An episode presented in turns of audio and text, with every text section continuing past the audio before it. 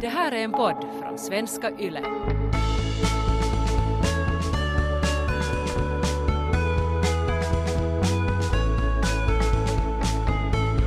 varje vecka att liksom sätta oss ner och prata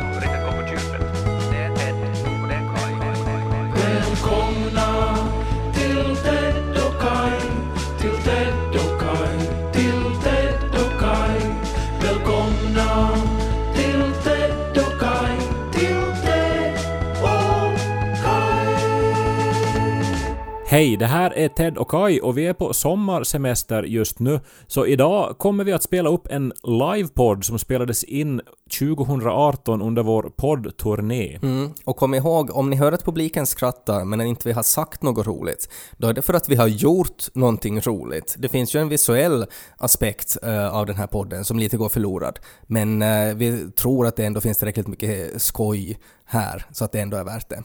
Vi är tillbaka sen 4 augusti. Med nya avsnitt. Hej Jeppis! Hej! Jag heter Hej. Kai Korkea och det här är Ted Forsström och Hej. Mm. eh, vi gör livepodd den här veckan och eh, jag vill bara nu inleda med att säga för att uh, no, en, en sak, nu jag blev liksom halv dialekt, halv högsvenska Ja. för att det är på något vis en instinkt att när man är jeppis ska man ju tala dialekt givetvis. precis. Men att eftersom vi har gjort den här podden nu i tre år Ja. på någon sorts påhittad Åbo-svenska Ja. Uh, kul trivia annars, alltså ursprungligen när vi gjorde ett sketchprogram Men Kaj, ska du inte kommentera att jag röker pipa? Ja. Alla... Okej, vi tar emellan då här. Ted Forsström uh, har alltså förberett sig för den här turnén genom att köpa en vape-pipa. Nej, men för grejen är den att jag har sagt att jag, jag går med på den här turnén, att, att göra det här liksom fyra... Alltså, jag har en treåring hemma. Det är mycket begärt att jag ska vara upp den här tiden. Eh, och för att jag ska orka det så har jag sagt att det går om jag får röka pipa. Kai Korkea har förberett sig för den här turnén på det här sättet, har med sig anteckningar och Ja. allt möjligt. Här, Ja, men det är liksom här, skillnaden ska- mellan oss. Vet ni vad mina anteckningar är? Här.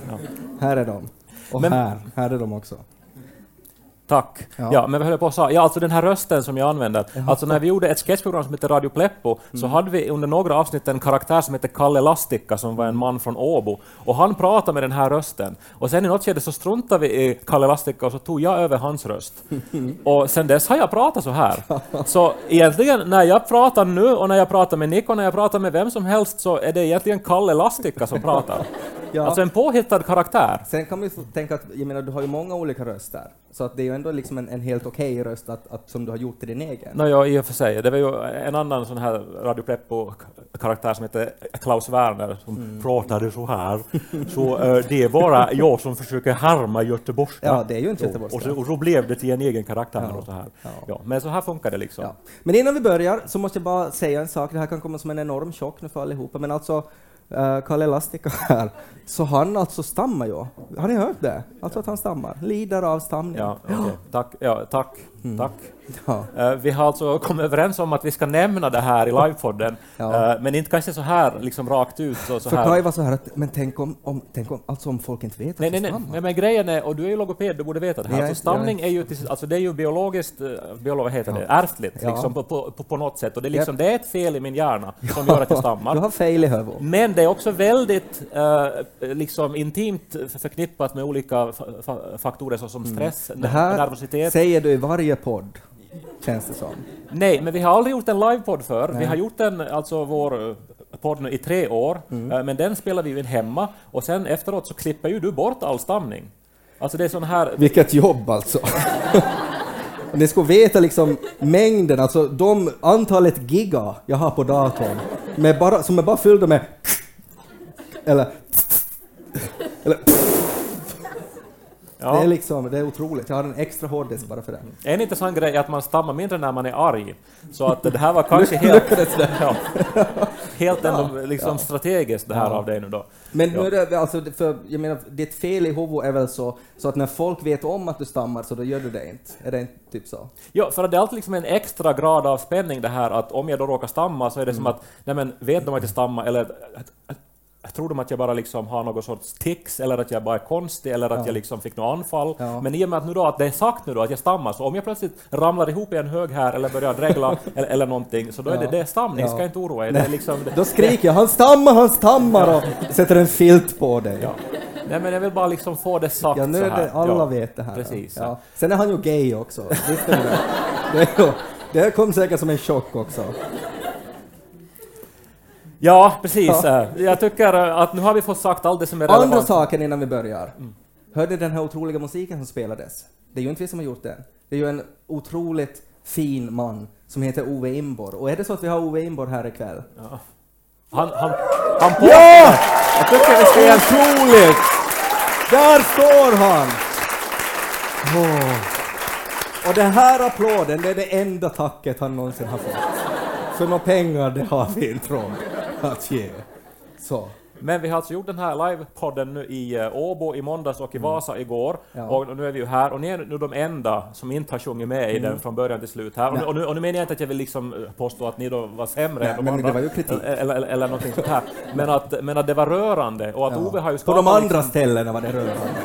Här var det liksom, okej. Att Ove har ju skapat liksom en evergreen i Ja. stil med liksom Total Eclipse of the Heart och andra, andra sådana här Ja. Mm. strålande alster.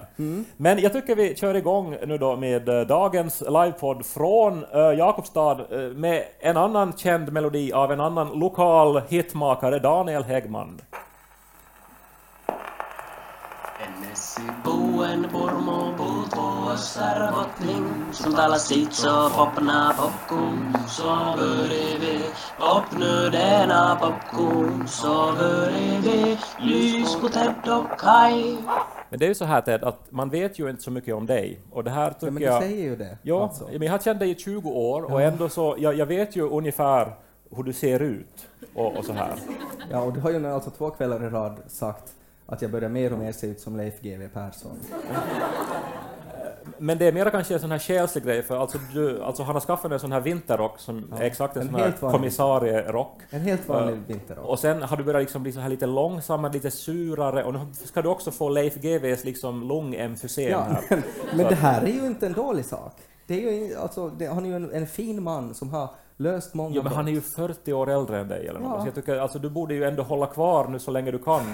Men jag vill inte. Jag vill Okej. inte hålla kvar. Jag, jag, vill liksom, jag vill gå full Leif GW Persson. Ja, men så här är det ju, alla ni, för jag antar att ni har lyssnat på podden, då, då, då vet ni ju då att det är ju liksom det dramatiska innehållet, eh, eller ska vi säga dynamiken är ju att jag vecka efter vecka öppnar mitt hjärta, spiller ut hjärteblod Ja. över mikrofonen, delar med mig för att kanske någon där ute ska vara att ja men precis så där är det, jag känner igen mig i det här. Ja, och du, det behöver du inte göra.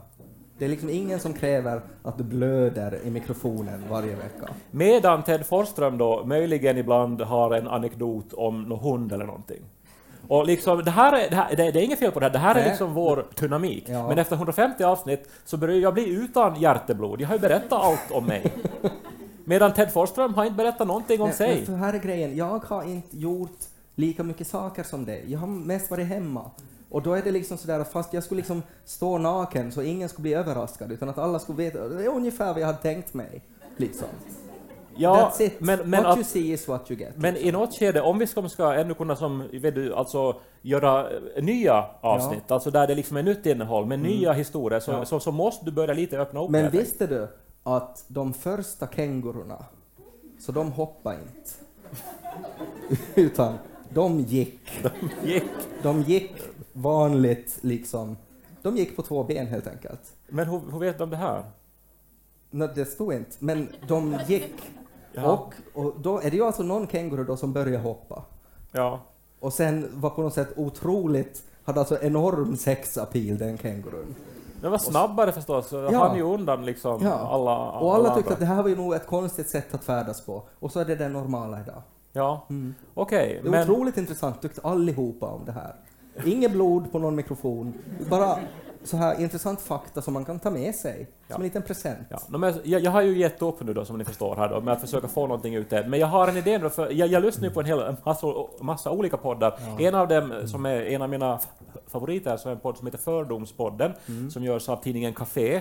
Uh, hemskt rolig, om ni inte har lyssnat på den så rekommenderar jag den. Det finns många tidningar också som gör andra poddar säkert. Det här är en Svenska Yle-podd och man får inte göra reklam. Just det. Men eh, den går alltså ut på att, alltså det är en intervjupodd där det, då den här eh, mannen som intervjuar olika kända gäster inte ställer frågor utan istället konfronterar de här gästerna med fördomar om dem. Alltså så här att vad är det den här personen utstrålar? Ja, 45 minuter förolämpningar. Så har det ju varit de här kvällarna när vi har gjort det här. Ja men det är ett jättebra sätt att få info ur folk för att folk reagerar ju på, ett, på ett väldigt unikt Ja. sätt när de konfronteras med Så fördomar om här sig själva. säger Kaj, och så här sa han igår och också i förrgår, och så ljuger han att han har pratat med mina vänner om fördomar om Jag vet ju redan allting om Ted, så att jag har förstås då pratat med människor som inte känner honom så jättebra, som då har fått liksom se på bilder av honom och utgående från vad de vet och vad de ser ställa fram fördomar. Och nu har jag med mig alla fördomar eh, om Ted Forsström här. Ja. Och jag menar, nu ska vi som få se nya sidor av kan, Ted. vi, tar, vi gör det här snabbt nu. Vi, vi, vi, tar några. Alltså, det, det här är roligt, alla har uppskattat det här. Uh, största delen av alla som gör den här podden tycker att det här är roligt. vi, ska se det här då. Här står det till exempel nu då. Ted Forsström skulle aldrig erkänna det, men det finns en sexuell dimension i hans fascination för cowboys.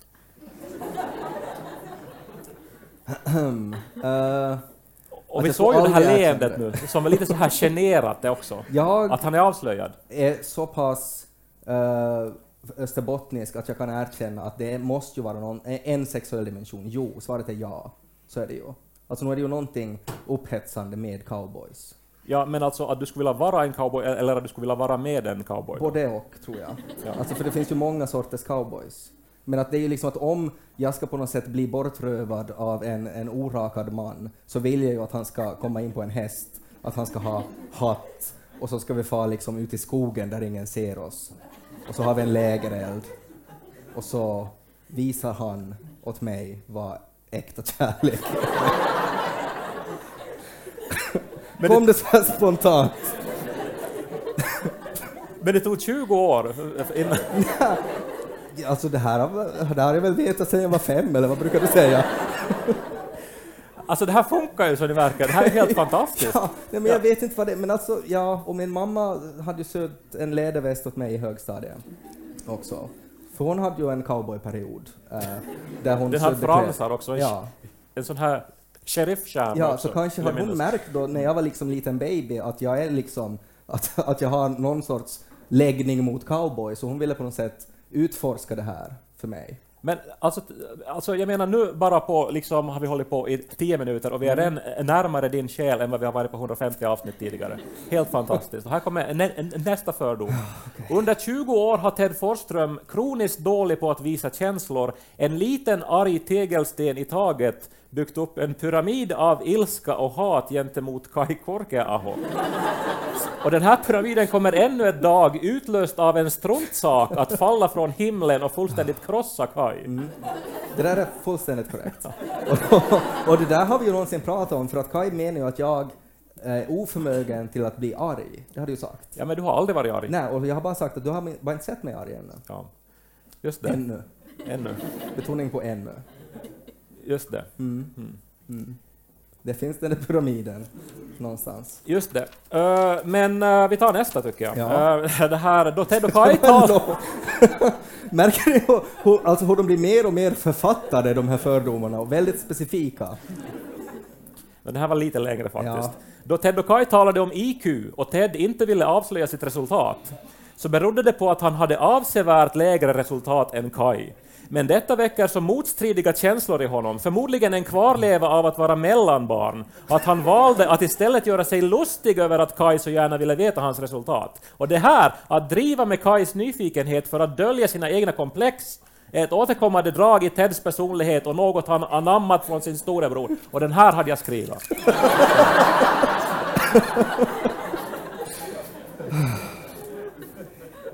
Vad hade du för IQ?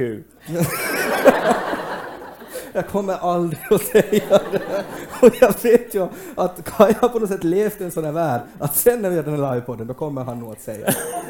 Jag hade faktiskt en idé, det här, det här kan jag avslöja nu, för jag har faktiskt inte gjort det. Men jag tänkte att i något skede så skulle jag ha liksom en, en räknare här bakom mig, och så skulle jag liksom snabbt flasha det, så Kaj inte ser, och så skulle jag ta bort det sen.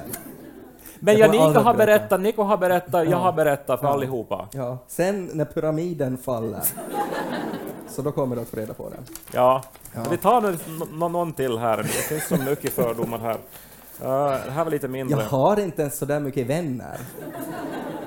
Om Ted Forsström fick tre önskningar så skulle han önska tre hemmakvällar.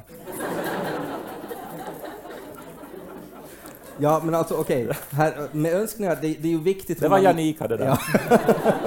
Det är viktigt hur man formulerar dem. Att här skulle ju då, om jag skulle säga då svar att, att, att ja, så är det ju, det kan jag säga direkt. Men om jag skulle önska då tre hemmakvällar så skulle då andar, för de är ju hemska varelser, så då skulle det ju vara liksom en hemmakväll på en fest eller någonting, att det skulle ändå vara liksom så här jobbigt. Eh, Så det skulle vara tre hemmakvällar där jag kom fullständigt ensam. Ju- Just det. Då skulle det funka. Men alltså om du skulle önska vad som helst, Mm. så är det ändå det. Alltså du, du skulle inte önska en resa till, till, till någon spännande plats Nej. eller, eller någon... någon Tre hemmakvällar i rad är liksom en, en otrolig lyx som ingen eh, resa kan liksom. ja. Där man får vara ensam, obs. Ja, men jag säger, det här var inte heller en nyhet. Nej, det här var ju det, ingen det, det, det, det här är ju TED 101. Det där var ju liksom. inte en fördom, Ja, det där var bara precis. så här är det. Ja, Ja. är det. Ja, det finns ju otroligt många här, men, men att om vi nu tar en till ännu och så ser vi vad det blir till här. Ehm, Ted Forsström kan inte nämna en enda låt av Bob Dylan. Eh, det fanns alltså den här superhjältefilmen baserad på den här eh, grafiska romanen. Eh, med den här eh, ena superhjälten som har det här Rorschach-ansiktet. Hjälp mig nu, vad heter den här? Eh. Watchmen, exakt! Den filmen, den hade en låt av Bob Dylan i början. Och jag minns inte vad den heter. men jag, nej faktiskt, men alltså Bob Dylan är inte riktigt min grej tror jag. Ja, Men, det är ju inte heller en överraskning. Men, han, men, men att han ju skrivit kanske 500 låtar Ja. och fick Nobelpris Ja. och liksom världens mest kända artist. Ja, Och du lyssnar på musik. mm, men inte på Bob Dylan. Okej. Ja. I och för sig inte Men var det, var det liksom något värde i det här? Borde man kunna Bob Dylan? Nej, men jag tänker att det ändå är som all, allmän bildning att veta någon ja, låt. det är också allmänbildning att veta att kängurur inte hoppar i början. Fair enough. Men jag tycker vi fick veta lite grann om det i alla fall. Ja. Lite mera info här. Ja, Det existerar en pyramid i himlen ovanför mitt huvud. och vill man liksom springa iväg med mig så behöver man bara hatt och boots och en häst. Och så här, lukta löv.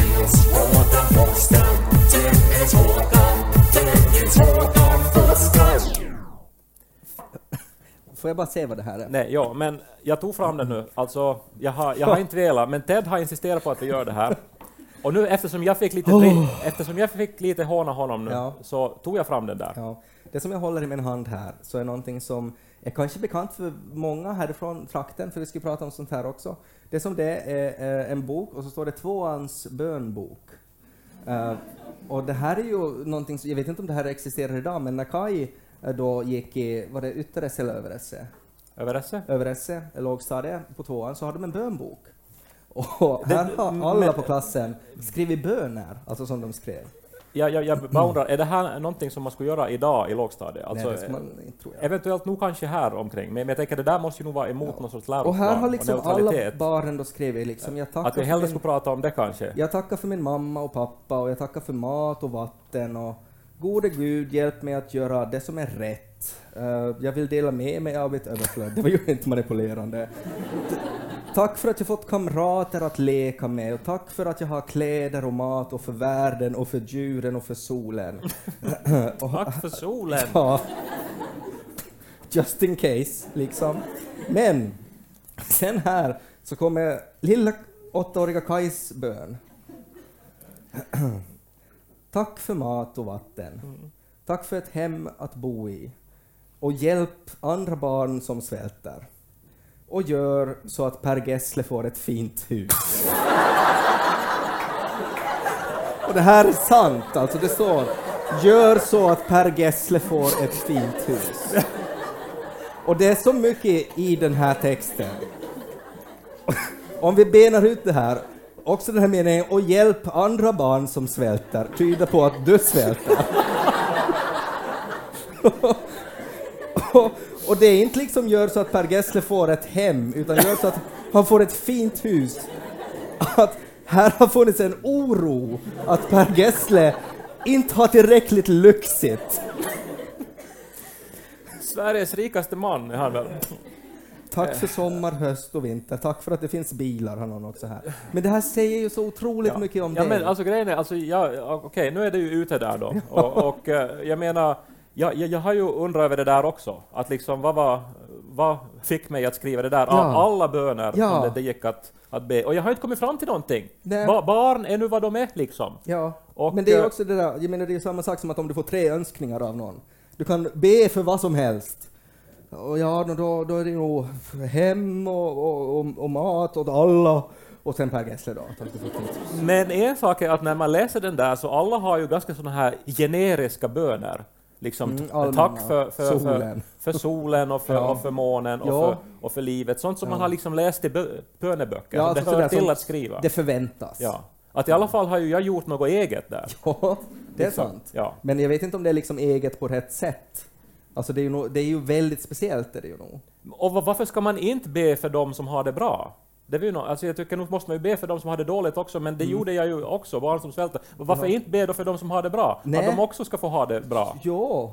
det då tycker jag är medmänskligt. Men då ska man kunna be att jag hoppas att, att Per Gessle får, alltså att, hans, att det går bra för hans låtar och att han mår bra i livet. Att det, liksom, det funkar både hemma och på jobbet och sådär.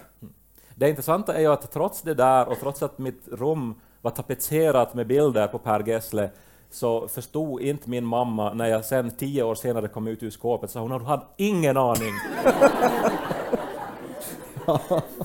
och så blåögd vet jag inte om jag någonsin skulle vara om jag skulle ha barn. Kairi,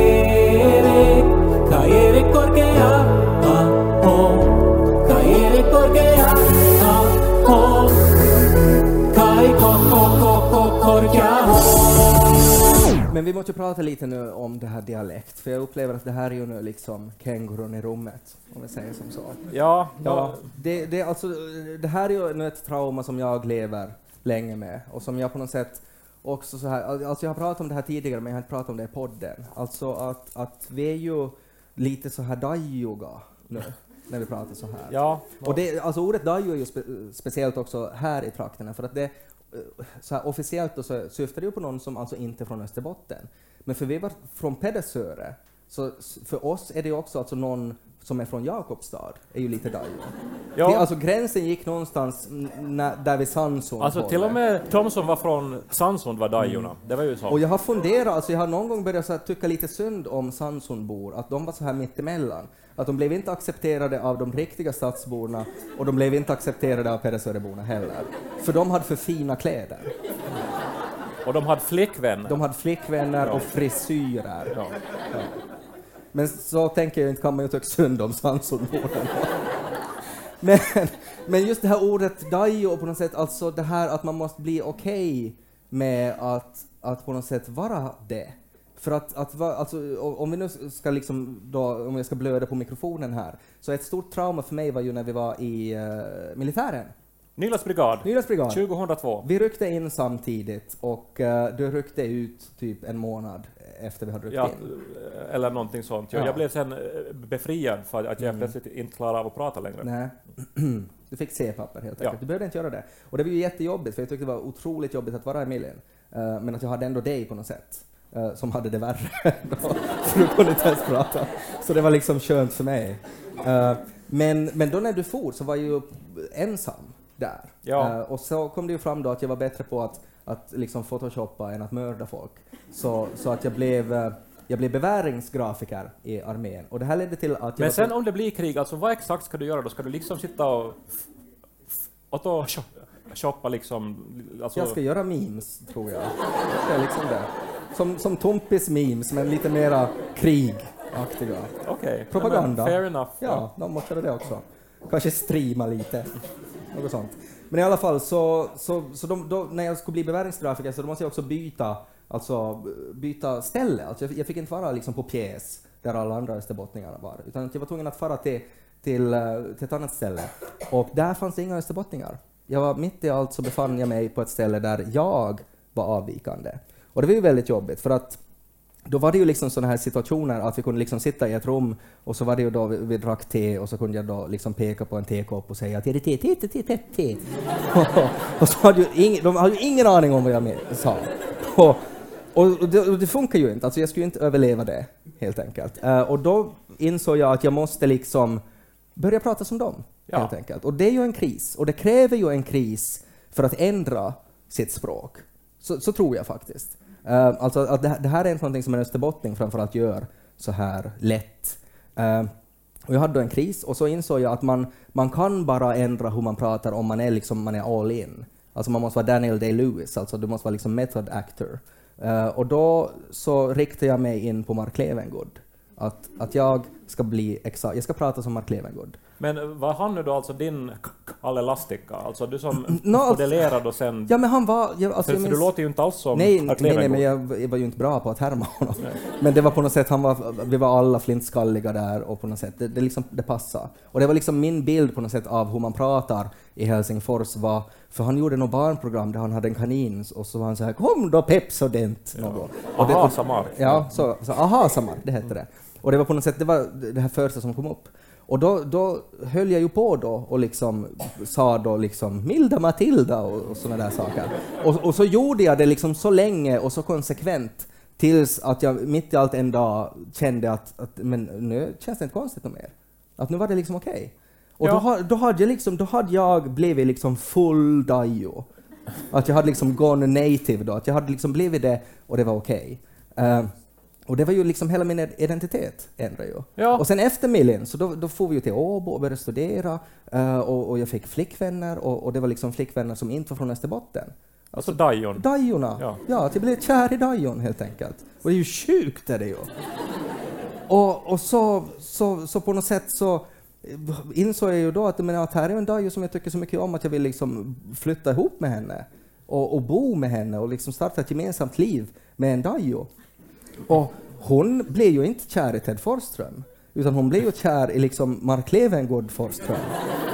Att hon blev ju liksom kär i, i liksom den här, den här liksom påhittade figuren som skapades av ett, ett trauma i, i Milin.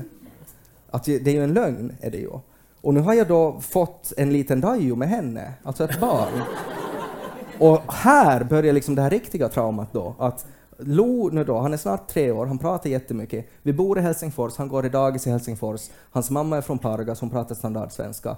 Ska jag prata pormodialekt med honom? Och ja men, ja, men så där lätt är det inte! Faktiskt! För att om vi då bor i Helsingfors och han sitter i en helsingforsisk sandlåda och så pekar han på en skyffla och så säger han är det te, te, te, te, te, te, te. Så de har ju ingen aning om vad han säger, han låter exakt sådär. Och, och, och då är det ju liksom en enorm björntjänst att jag gör honom liksom tvåspråkig där det ena språket är liksom utdött sen när han någonsin kommer till Pormo liksom. Och det är ju jätte, jättejobbigt. Så jag pratar då liksom standardsvenska med honom, för jag tänker att det här, det här det, liksom, det blir nog bäst för honom så. Och när har någonsin, när en förälder har tänkt så, när har det någonsin varit rätt? Det, det har ju det inte varit. Så hur ska jag göra, Kaj? Jag tycker du, alltså, jag menar, lär honom två, två språk. Alltså ett barn mår väl bra av att liksom vara mångspråkigt. Så du lär honom liksom, alltså både Mark Levengoods thai-svenska Mm. och sen pormodialekt. Givetvis. Ja, men vad om han börjar prata pormodialekt då med dajorna? Nej men han lär ju sig liksom, vet du, Ja, han, ju ja, han lär sig när han får på käften. Så. Eller när han är ensam, så lär han sig. Jag borde inte ha gjort det här. Så tänker han. Men tänk då att om han kan då, liksom, om han eh, lär sig då dialekt så kan han ju eh, eh, bli ihop med någon från Sandsund sen. Som ju var det ultimata liksom. Ja, det var nog sjukt. Och de var ju så snygga från Sandsund Ja men det var ju det, det var ju någonting speciellt med Ja, dem ja. det är jättekonstigt. Så jag menar, där har du ju då... Men jag vill inte att han blir ihop med någon från Sandsund. och, jag, och här, jag har inga, liksom det är bara på något sätt hur det känns för mig. Det. Men att det skulle vara svårt, tror jag. Men du har alltså skapat en dajo. Ja, jag har gjort en dajo. Och jag är gu- gudfar till en Du är dajo. gud för att en dajo, jag föder upp en dajo. Och det är liksom, två dajon har jag Ja. att ta hand om. Vem skulle ha trott det? Tycker vi tar en jingle på det. Ja, jag tror också.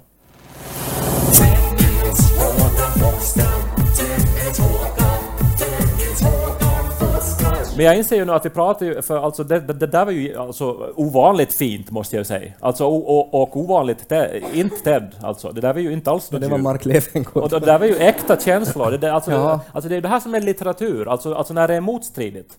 Alltså det- att det är inte lätt. Att, ja, att, man, in- alltså att det finns inget rätt svar. Nej, Nej, precis. Och, precis. du, och du liksom visar Mm. att, att liksom, jag menar här var det genast att ja, klart han ska prata pormodialekt, Ja. men, men liksom sen så förklarar du varför det inte är så självklart. Mm. Och, det, och det är ju liksom i de här motstridigheterna som mänskligheten sipprar in. Det är sprickorna som får ljuset att tränga in eller någonting. Kanske. Okej. Ja. Nej men alltså, vi- är ju nu på After Eight Mm. och eh, det här är ett, ett underbart ställe. Ja. Eh, Men, men, men en gång i tiden så var det här för mig liksom det, det, den spricka som fick mörkret att tränga in i Jakobstad. Jag tror inte det behöver någon förklaring. Jag tror alla förstod exakt vad du menar med det där. Nej men alltså det här var ju stället som tog Thomas Di Leva till Jakobstad. Ja, det är nog ganska hemskt. Och när vi hörde det här i SC, Ja. så då utvecklade vi en strategi. Det hördes ända till SC att man märkte att fåglarna liksom flög runt. Nej, det var en annons i Jakobstads tidning. De lever, de lever. Det var en annons i Jakobstads tidning att nu ska Thomas Di Leva, den här ulven i kvinnokläder, eller vad ska vi säga? Han var en rymdblomma! Ja, men han skulle eh, till, till Jakobstad och Ja. uppträda på, på After Eight här Ja. på innergården. Ja. Och, och, och vi är då i SE församling utveckla en strategi. Vi skulle be bort Thomas Di Leva. Alltså, han låter ju som alltså att han är någon som kan liksom anfalla liksom vete eller något, att han är som någon insekt som måste fås bort. Ja, no, men alltså vi delar in oss då i grupper då. Och, och, Du ska be bort frisyren, du ska be bort kvinnokläderna. jag hörde då till stödbedjarna då. Eh, Så, eh, som, som, ja. Alltså ni hade alltså trupper. Hur gick man upp i rang då liksom, när man hade bett tillräckligt mycket? De modigaste soldaterna skulle alltså gå runt After Eight och be under spelningen att det på något vis inte skulle liksom få bli för mörkt. Liksom. Ja. För alltså, Thomas Di Leva var ju, var ju new age, han var ju liksom flummig, han var ju så här, han sa ju “everyone is Jesus” alltså, Ja. han, han hädar ju liksom i, Ja. I, i som öppen eh, dager. Ja, liksom. precis. Och eh, det här så, en grupp då liksom var, var de som, som gick runt och bad. Men, alltså, men bad man alltså för, så här i allmänhet då, som alltså vissa i den här böneboken, så den som ber för solen, alltså att jag ber att Thomas Di Leva inte ska spela, eller var det så där väldigt specifikt, alltså att jag ber att Thomas Di Levas hår börjar brinna för att elektrikern missar med någon knapp så att det kommer ström? Alltså vi bad väl nog bara om att ingen skulle liksom bli lurad av honom, tror jag. Eller, så här, eller som att det... Det var in- för människorna. ändå. Ja, och så här. Eh, Jag då var alltså inte med och gick för att jag var då stödbedjare. Jag satt inlåst i en källare på Stationsvägen. Var det samma alltså, som i Millen som att du fick C-papper, att du stammade? Så du kunde inte liksom be med fronttrupperna? Det var eh, hemskt eh, noggrant poängterat att alla var lika Vi viktiga hade här. en B-väringsgrafiker också som satt där och photoshoppade böner med Thomas Di Leva. Men jag satt i den här eh, källaren och, och hade då ett eget två timmars skift där jag då skulle be då för dem som bad. Alltså att jag bad för dem som gick runt After Eight. Liksom. Alltså att du bad att hoppas att de inte får ont i fötterna. Ja, och att, och att de skulle orka och att de skulle liksom eh, få krafter och så här och så det är vidare. ju alltså väldigt... så- Alltså man har ju faktiskt tänkt på det här. Ja, men, men att jag minns också alltså, hur, hur det här var liksom så totalt allvarligt för mig. Alltså att jag satt där i två timmar i mörkret på stationsvägen utan fönster eller någonting och liksom bara, och inte en enda sekund att jag skulle ha mist koncentrationen. Men det det här så... var så otroligt viktigt att det här mörkret inte skulle komma in i Jakobstad. Ja. Det är så sjukt alltså att det var sådär. Och för mig var det på något sätt att jag var inte typ någonsin till After Eight för att jag tyckte att det var lite för kristet. Ja. Liksom att, att det var liksom kristet. Och, Och, och jag får inte After Eight för att det var för okristet. ja, Ja. precis. Eh, Nej, men ah, ah, okej, nu blev det här en hemskt lång inledning då till det att, att jag hade, alltså nu under den här livepodd-veckan tänkt en hel del just på, på, på resor så, som eh, man har gjort. Ja. Alltså, och eh, spe, speciellt i Åbo, där vi var i måndags, så liksom, eh, minns jag liksom att hur jag eh, då som 20-åring for dit och eh, liksom, nå dels, jag var chefredaktör för en kristen ungdomstidning, skrev artiklar om hur fel det är med att vara homo. och var ju i skåpet och eh, liksom eh, var på, alltså med i olika så här lovsångsteam och allting. Till att jag då eh, fem år senare flyttade från Åbo ihop med en man i Helsingfors och eh, inte längre var liksom alls med i någon religiös rörelse överhuvudtaget. Liksom det, det, den resan. Och, och nu här är liksom i, i Jakobstad, så, så alltså min identitet i Jakobstad var ju alltid den här då som, som satt i källaren på Stationsvägen och bad för dem som bad för After Eight. Ja. Liksom. Och idag är jag ju nu då här som en helt annan människa på After Eight. Men har du någonsin funderat då, för det finns, alltså, finns ett sånt citat att, att he who gazes into the abyss uh, shall not uh, uh, can, the, can gaze too much into the abyss and the abyss gazes. Al- Alltså, att kan det ha varit Thomas Di Leva som gjorde dig gay? Alltså? att, att han på något sätt, liksom din bön träffade hans rymdblomma-aura och bara liksom sögs in och så blev du en liten del av honom och så kom det tillbaks liksom som ett virus som gjorde dig supergay. No, jag var nog redan innan gay, var jag nog. Och liksom, så att, men ja, jag, jag, jag vet inte. Men, Men han vann ju Thomas Di Leva, han spelar ju här. Jo, men vi var ändå nöjda för att det regnade. Så vi, vi trodde att det ändå var Gud. Tack Gud, alltså kanske inte exakt det vi hade hoppats, men bra jobbat. Nu är det vått Men det var. Gud som visade sitt missnöje ändå för att Jaha. d- den här sp- spelningen pågick. Var det inte en sån här grej, jag har, alltså jag har minne av att du också var arg på det att under den här spelningen sen hade det slutat regna och så hade, någon i publiken skrikit typ att åh yes, det slutar regna och så hade han sagt ja, jag vet. Och så var det på något sätt liksom att det var han då som hade gjort det. Ja, Och så var du arg för det då? Ja, vi var jättearga på allt sånt här. Ja. Ja. Men, men, men jag har nu då skrivit här, alltså liksom... eh, Ett förlåt till Thomas Di Leva. Nej, men under den här turnén har, så det här att, ha, ha, ha, har jag presenterat olika novellidéer. Ja, Eh, alltså är inte färdiga noveller, Nej. men liksom små nedslag i, i, i min egen livshistoria som har hört ihop med de olika städer vi har varit i. Ja. Igår i Vasa hade jag ett par idéer om Vasa, Ja. mi, minnen från Vasa. Ja. Och, Lite eh, smått äckliga minnen.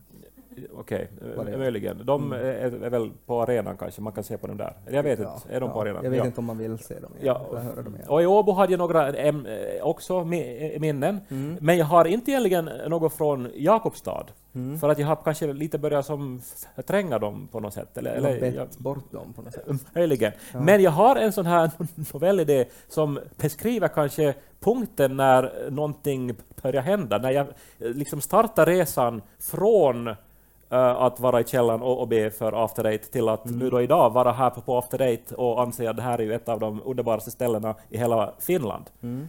Och, eh, och om jag får läsa den Ja, idén, förstås. alltså det här är inte en hel novell, Nej. ut- ut- utan det här är liksom en idé att det här skulle gå att skriva till en Ja, novell. det är liksom upplägg som jag sen brukar eh, göra bättre sen när du har läst dem. Nå, för alltså en av som orsakerna till att jag har de här är att jag Mm. hoppas då att det en dag ska bli en riktig novellsamling och att du nu då eventuellt kan ge respons Mm. Ja. och så här och att ni också liksom hur, hur ni reagerar, vet Mm. du. Så, så vet jag då att det här är en bra idé eller en, då, en dålig idé. Ja, men läs då. Ja, den inleds så här. Kai Korkea Aho är en 19-årig tjock, stammande kristen oskuld skåpbög med tantfrisyr. Som aldrig har varit full. Han står på Stureplan i Stockholm en varm vårkväll. Det är tidigt 2000-tal och Stureplan är Sveriges och därmed Nordens Times Square. Centrum för nöjeslivet, centrum för drömmar, nöjeskultur och berömmelse. Kai Korkeaho, som står där för första gången i sitt liv, har aldrig varit på en nattklubb och den enda alkohol han druckit är nattvardsvin. Fromheten är mer än en fasad. Kai tror genuint att människorna som går på gatan omkring honom, berusade och lättklädda och androgyna, är förtappade själar. Men Kai är också en komplex varelse med ett alldeles osannolikt stort intresse för svensk kändiskultur. Och Per Gessle borde jag sätta in här kanske. Han har kommit till Stockholm med sin vän Ted Forsström, som nu spelar Gameboy på hotellrummet medan Kai gått ut för att röka. Det var Game Gear, var det, det var ett Gameboy. Okej, fair enough. Plötsligt ser Kai det som han i hemlighet har letat efter. En skylt med ett legendariskt namn. Spy Bar. Det här är Stockholms mest kända innekrog, där fantastiska kändisar som prinsessan Madeleine och Dr. Alban brukar hänga. Kai vet allt om Spybar efter att i hemlighet ha läst svenska skvallertidningar och vimmelreportage. Nu känner han en stark tudelning. Det rätta är att gå upp till hotellrummet, be sin aftonbön och somna. Men nyfikenheten drar, köttet är svagt och några år senare ska han tänka att det är här den slutgiltiga processen börjar, vägen bort från kyrkan och mot ett annat liv. Han fimpar sin cigarett och går mot dörren, så nervös att han skakar. Dörrvakterna stoppar honom. De pekar på hans kristet vita strumpor i kristna sandaler. På Spybar kommer man inte in klädd på detta sätt. Kai nickar fromt och går därifrån, sänder en tanke till Gud där han tackar för att Gud stoppar den här galenskapen. En taxibil stannar. Kai tror inte sina ögon. Ut ur taxin kliver tre personer, varav en är skivproducenten och artisten Anders Glenmark. Och de går raka vägen in på Spybar.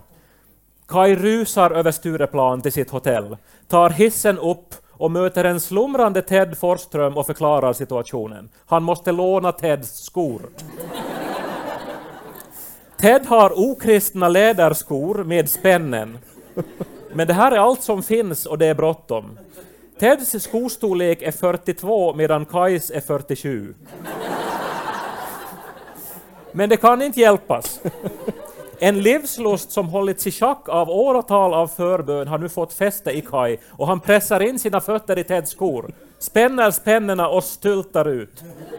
Det är nästan omöjligt att gå över Stureplan. Och den sista biten måste Kaj bita ihop runt smärtan för att inte halta. På kvällen kommer hans kristna vita strumpor att vara blodiga. Och dagen efter kommer han inte att kunna följa med till Skansen, men just nu är vad som gäller. Nu ska han kika in i en annan värld och kanske träffa Anders Glenmark. Dörrvakten ser ogillande på honom, men nickar och Kai går upp för trapporna in i Spybar och beställer vid baren sitt livs första ölstop. Så det var jag som liksom ledde dig i synd. Eller mina skor. Om jag inte skulle ha haft någon sorts så här cowboyspänne på mina skor så skulle du aldrig ha börjat dricka så otroligt mycket alkohol som du dricker idag. Ja, men, jag- men vi menar, det där är ju på något vis, alltså jag menar nu, nu, nu har vi ju en massa olika vändpunkter i, i livet förstås. Och jag menar, det där är liksom en av eh, många som, som eventuellt inte heller, jag menar var startar en vändpunkt? Jag menar antagligen hade jag ju redan innan när jag läste Se och Hör och hade liksom Ja. ett intresse Ja. för Men Spybar. det där var så konkret, alltså just det här valet att ta dig förbi dörrvaktshindret och du gjorde det två gånger fast att Gud stoppade dig. Finns det inte någon så här kristen grej där det är liksom någon som faller i vattnet och, och så är det sådär att det kommer en båt och han är sådär nej jag far inte i båten, Gud kommer nog att rädda mig. Och så kommer det typ en helikopter och han säger nej jag far inte i helikoptern, Gud kommer att rädda mig. Och så kommer det typ ännu en båt och så säger han nej jag far inte i båten, Gud kommer att rädda mig! Och så drunknar han. Och så, så frågar han av Gud, Gud varför räddade du inte mig? Och så säger Gud, men vet du vad, jag försökte rädda dig tre jävla gånger. Ja. Men, men den där historien var vi arga på i SM Samling. Gud ska inte komma med helikopter, så här faktiskt. För att Gud skulle nog eh, liksom göra det klart att det är Gud som, som det här att hjälper. Så här. Ja, just Eh, det. ja. Så det var en Eh, dålig liknelse. Nå, eller som åtminstone li- lite grann hädisk. Ja, Ja, okej. Men i alla fall, tack att jag fick låna dina skor. Ted. Varsågod. Ja, och, och det här visar ju också, tycker jag, att man ska ha vänner eh, som, som, som inte som en själv, Ja, faktiskt. så, så, som har andra sorts skor och som eh, liksom har nya sätt att se på världen. Och liksom, det var ju det också som After Eight var här i, i- den här stan då. Eh, alltså After Eight var till exempel den första bar, eller ställe överhuvudtaget som hade Mac-datorer som jag såg. Alltså jag hade aldrig sett en Mac, men här så var det liksom ett helt rum fullt med Mac. Ja. Jag menar, det, det är bara en eh, datortyp. Men ändå liksom att man såg att det- alltså, Windows är inte liksom allting.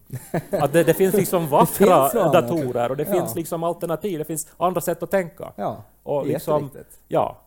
Och liksom allt som After Eight har liksom eh, tagit in hit till stan, som Mm. till exempel Thomas Di Leva och så här vidare. Alltså hur viktigt eh, det har varit. Ja, framförallt på sådana där ställen som Jakobstad. Ja. Så After Eight är liksom eh, Jakobstads Ted Forsström kan vi säga. Ja, det var nog fint sagt. Ja. Eh, inte finns det någonting mer att säga om det. Vi, vi, vi Kan inte toppa det där. avsluta efter det tror jag.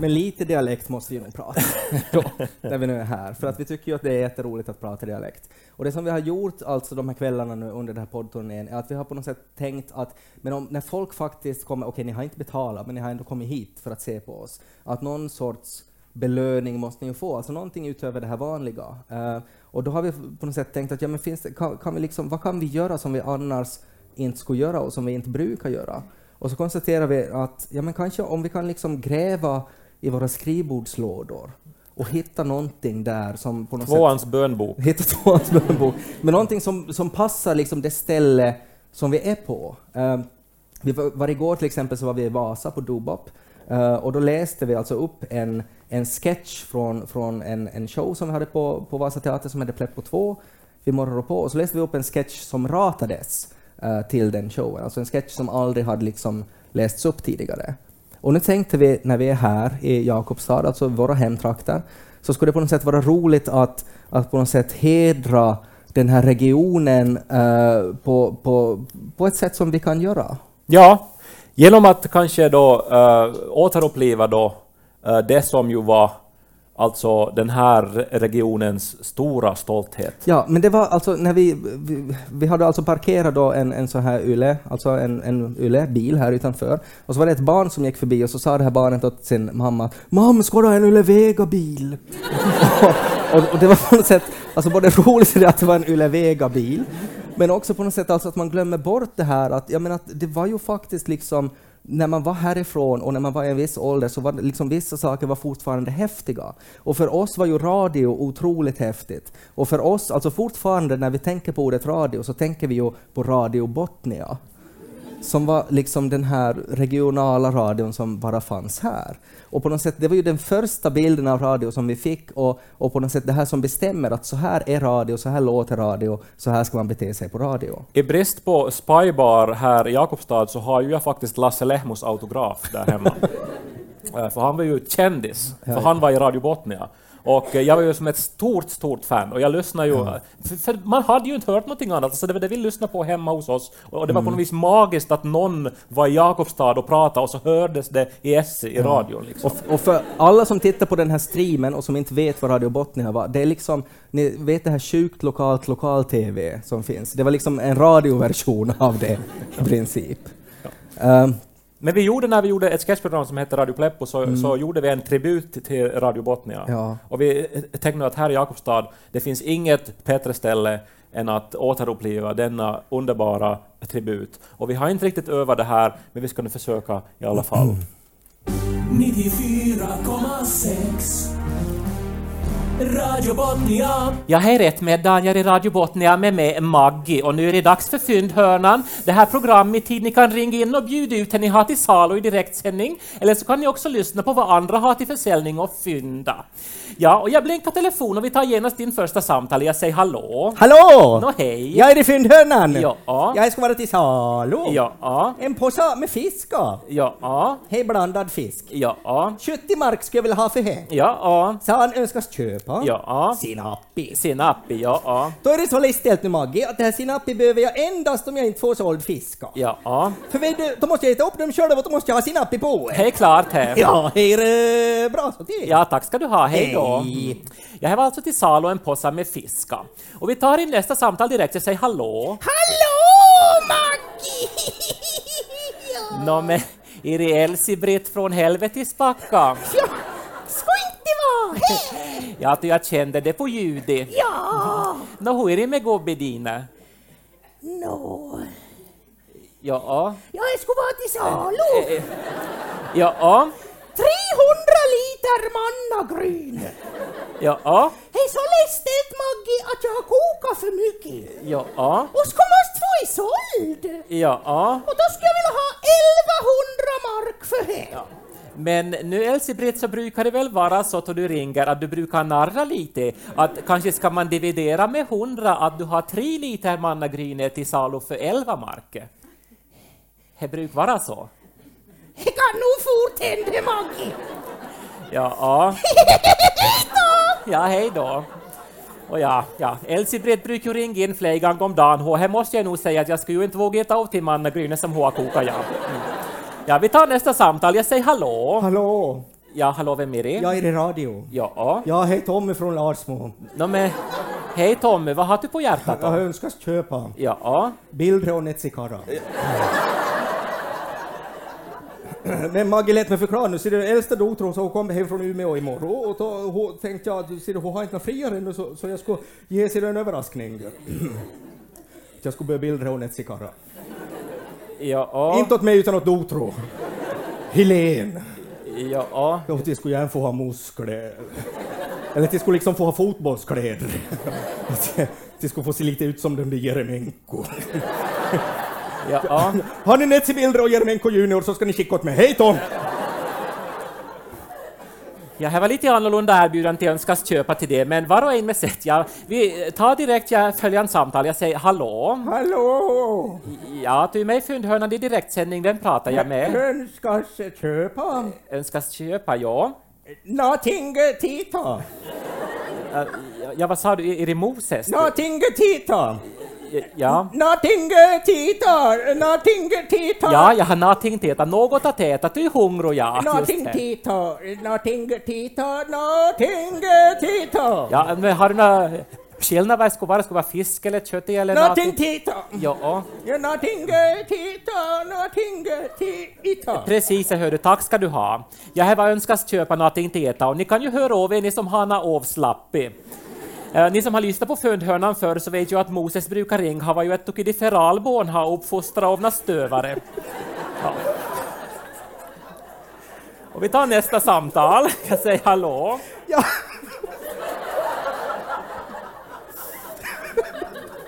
ja, det var Matilda Lillknolli. God förmiddag. No, men hej Matilda. Jag ska önskas köpa idag, eller egentligen efterlyses. Ja, Önskas köpa en kar som är god till nå. ja men men menar En du? kar som ska vara god till nå helt enkelt, som ska kunna tömma diskmaskin och vara händig med bilen och ha idéer om gräsmattor och sånt. Som en trädgårdsmästare eller? Ja, han eller? ska åtminstone börja kunna plocka upp paketsen. Så, eh, du skulle behöva en kar helt Jag enkelt? skulle få se ut lite som är Martin Timell.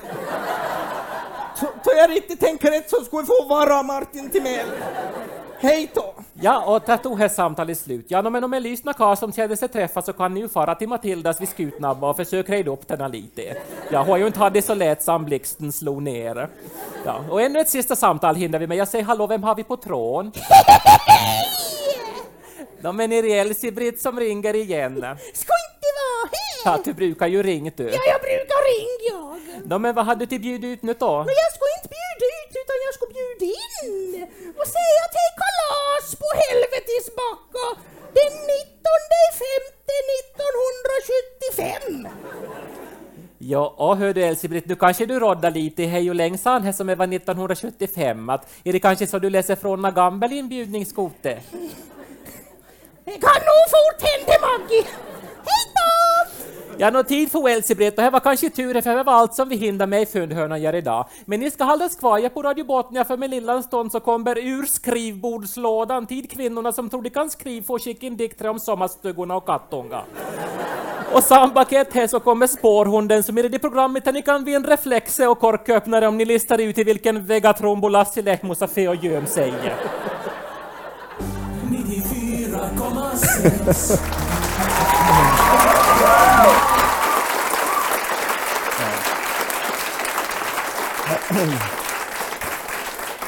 Det roligaste med det här är att om man skulle skriva det här idag så skulle man ju varken vilja använda Jeremenko eller Martin Timell.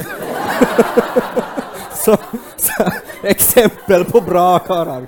Men, Men Ja. ett tidsdokument i Ett alla fall. tidsdokument, Ja, och det var var också en av de mer rörande stunderna i mitt liv när alltså den riktiga Maggie liksom kom och såg på Pleppo Live och sen efteråt stannade kvar och pratade med oss. Mm. Ja. Och vi hade med en sketch med eh, alltså Fyndhörnan i Pleppo Live och hade tyckt att det var, Mm. och det var, mitt i ju, det var ju så där det lät. Ja, alltså. det var så det. Det var ju som en knutpunkt, att, att det var liksom att någon ringde in, sa ett förnamn och så sa hon ja, här var Matilda från Skutnabba och ingen hade sagt att hon var från Skutnabba, men hon bara visste det.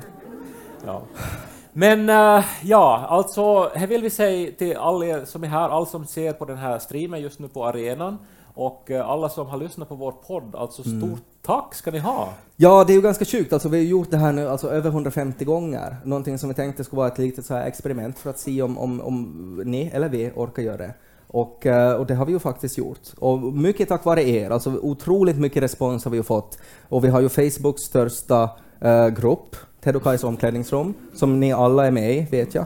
Eh, och, eh, och det är ju bara jätte, jätteroligt för oss att få göra det här. Och, och, och att Kaj blöder på mikrofonen, jag kommer med klockrena observationer och information från djurriket. eh, och, eh, och sånt. Och vi gör det här hemskt gärna också i framtiden, så länge som eh, ni bara lyssnar och är med. Mm. Och, eh, men så, så här långt, liksom efter tre år, stort tack. Det här betyder alltså hemskt mycket för mig och liksom för oss. Vi var ju Att så här att kommer det att komma någon folk när vi gör på den här turnén? Så det här är liksom sjukt kul för oss. Ja, så tack ska ni ha för att ni kom hit idag och för att ni lyssnar. Och eh, hoppas att vi, att vi ses igen en dag.